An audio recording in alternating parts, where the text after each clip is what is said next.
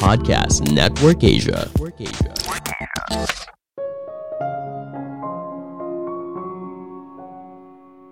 Kamu adalah segalanya, pikiranmu, hidupmu, dan mimpimu yang jadi kenyataan.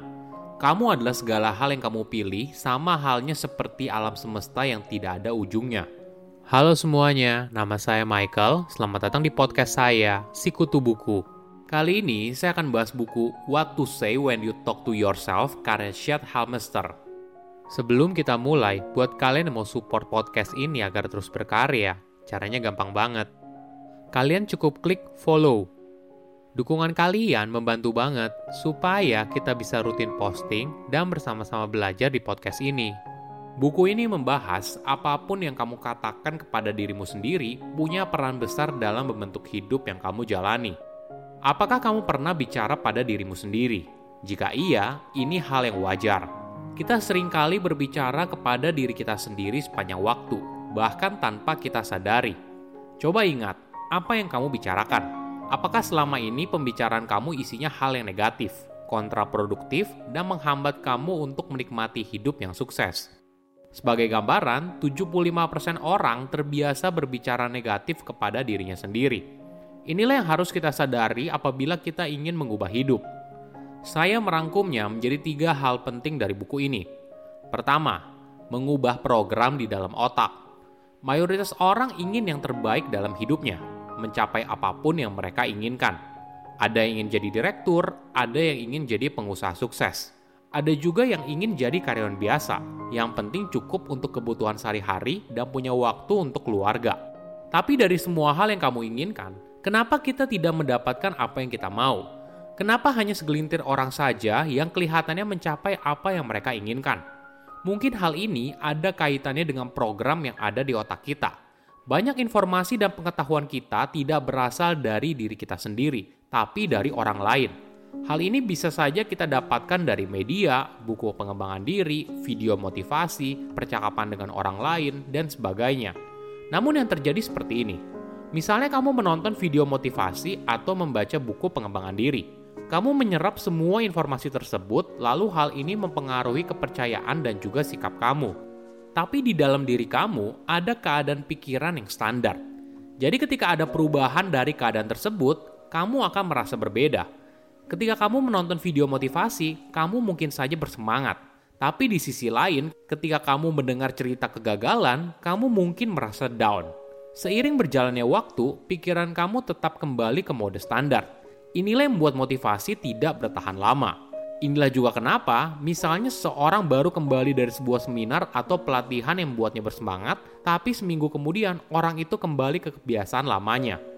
Tidak peduli seberapa hebat sebuah ide, semua itu tidak ada gunanya apabila kamu tidak mempersiapkan diri untuk merawat ide tersebut dan mengembangkannya. Dari tadi kita bahas soal program. Apa sih itu? Mungkin analoginya gini, Coba bayangkan otak kamu seperti komputer. Ada bagian perangkat keras dikenal sebagai hardware, ada juga perangkat lunak dikenal sebagai software. Kamu bisa menyentuh hardware dari komputer, tapi kamu tidak bisa menyentuh softwarenya. Software inilah yang mengatur hardwarenya kan? Sama halnya dengan manusia. Kita dikendalikan oleh pikiran yang berfungsi sebagai software.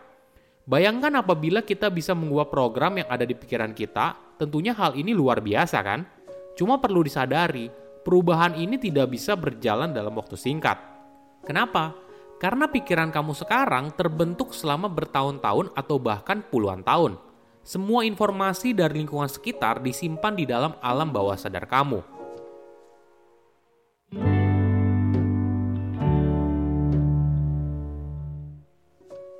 Kedua, lima tingkat self-talk.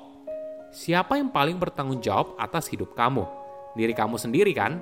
Nah, apa yang terjadi apabila diri kamu justru memberikan informasi yang salah?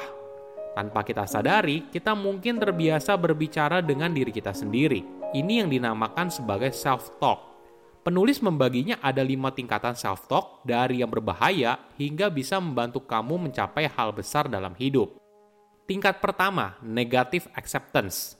Ini adalah kondisi di mana kamu berbicara sesuatu yang negatif tentang diri kamu dan menerimanya. Misalnya seperti kalimat ini, saya nggak bisa, hari ini bukan hari yang baik, saya tidak punya energi untuk melakukannya, dan sebagainya. Ini adalah contoh bagaimana kita memprogram diri kita dengan keraguan dan ketakutan. Bayangkan bila hal tersebut terjadi hampir setiap hari. Akhirnya menghambat kita untuk mencapai hal besar dalam hidup. Tingkat kedua, recognition. Ini adalah kondisi di mana kita mulai menyadari ada yang salah dan merasa perlu berubah. Mungkin sekilas ini merupakan hal yang baik, tapi ternyata hal ini bisa kontraproduktif apabila kita tidak hati-hati. Misalnya gini, sepertinya saya harus mulai menurunkan berat badan deh. Saya perlu menghabiskan waktu lebih banyak dengan keluarga deh. Setiap kali kamu mendengar self-talk level 2, coba berhenti sejenak dan perhatikan kalimat selanjutnya. Jangan sampai malah menuju hal yang negatif. Contohnya gini, sepertinya saya perlu menurunkan berat badan, tapi nggak bisa karena bla bla bla. Inilah yang buat manfaat self-talk nomor 2 menjadi negatif. Awalnya untuk mendorong perubahan, namun akhirnya malah membuat diri kita jadi menyesal, kecewa, dan menerima kelemahan diri. Tingkat ketiga, decision to change. Ini adalah langkah pertama yang bisa membantu kamu. Di kondisi ini, kamu bukan hanya sadar apa yang perlu dirubah, tapi kamu memutuskan untuk merubahnya. Kamu mulai merubah kalimat negatif seperti tidak bisa, tidak mungkin, dan tidak mau di sisi lain, kamu menggantinya dengan hal yang positif, mulai bergerak dan berubah. Tingkat keempat, the better you. Ini adalah kondisi di mana kamu mulai menggambarkan siapa diri kamu di masa depan. Biasanya dimulai dengan kalimat, "Saya adalah orang yang punya kendali atas hidup saya. Saya sehat, antusias, dan bersemangat untuk mencapai hal besar dalam hidup." Tingkatan ini menandakan perubahan besar, jika di tingkat satu kamu sibuk bilang tidak bisa, di tingkat ini kamu mulai bilang iya, saya bisa. Tingkat kelima, universal affirmation. Ini merupakan tingkatan tertinggi dalam hal self-talk, kondisi yang berhubungan dalam hal spiritual dan dirimu terhubung dalam alam semesta.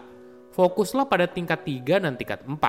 Biarkan saja tingkat 5 datang dengan sendirinya boleh dibilang di fase ini, kamu punya penerimaan yang baik atas apa pun yang terjadi di dalam hidup kamu.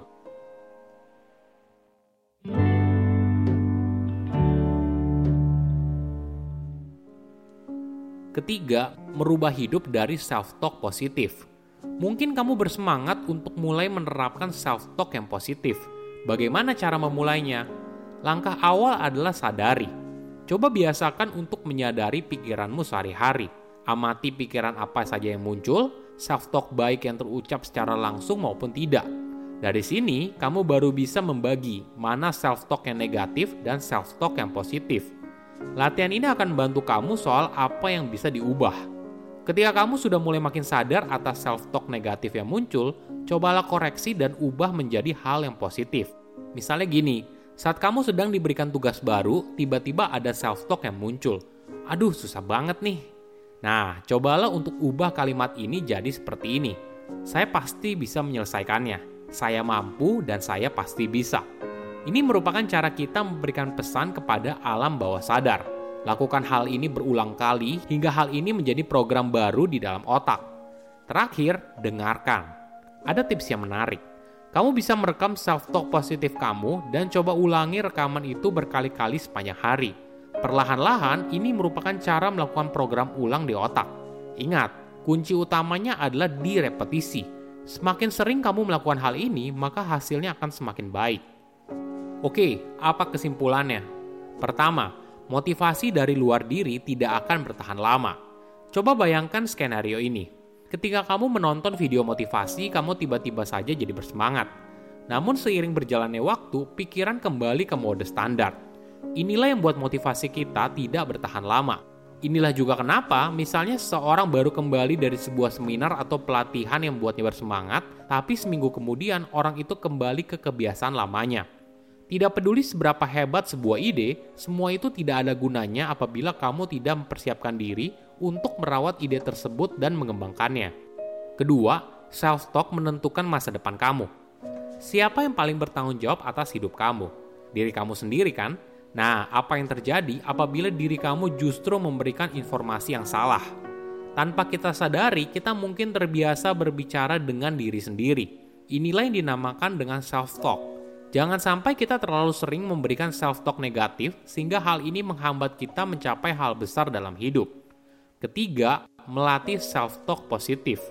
Pikiran adalah segalanya. Semuanya bermula dari pikiran lalu bisa menjadi kenyataan. Kamu bisa mulai berlatih dengan menyadari self-talk yang muncul. Dari situ, barulah kamu bisa mengubah self-talk negatif menjadi positif.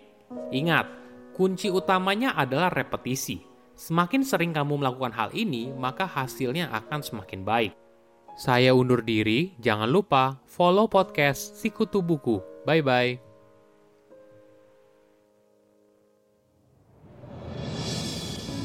Halo semua, gimana podcast tadi? Semoga kalian terhibur ya. Jangan lupa mampir ke podcast AS Talk Anissa Estet Talk di Spotify bersama aku Anissa Steviani. Di sana aku akan sharing berbagai isu mengenai keuangan, parenting, keluarga, dan isu-isu menarik lainnya seputar kehidupan yang pastinya akan berguna buat kamu maupun teman-teman kamu.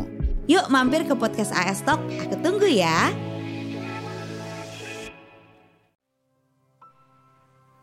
Pandangan dan opini yang disampaikan oleh kreator podcast, host, dan tamu tidak mencerminkan kebijakan resmi dan bagian dari podcast Network Asia. Setiap konten yang disampaikan mereka di dalam podcast adalah opini mereka sendiri dan tidak bermaksud untuk merugikan agama, grup etnik, perkumpulan, organisasi, perusahaan, perorangan, atau siapa pun dan apa pun.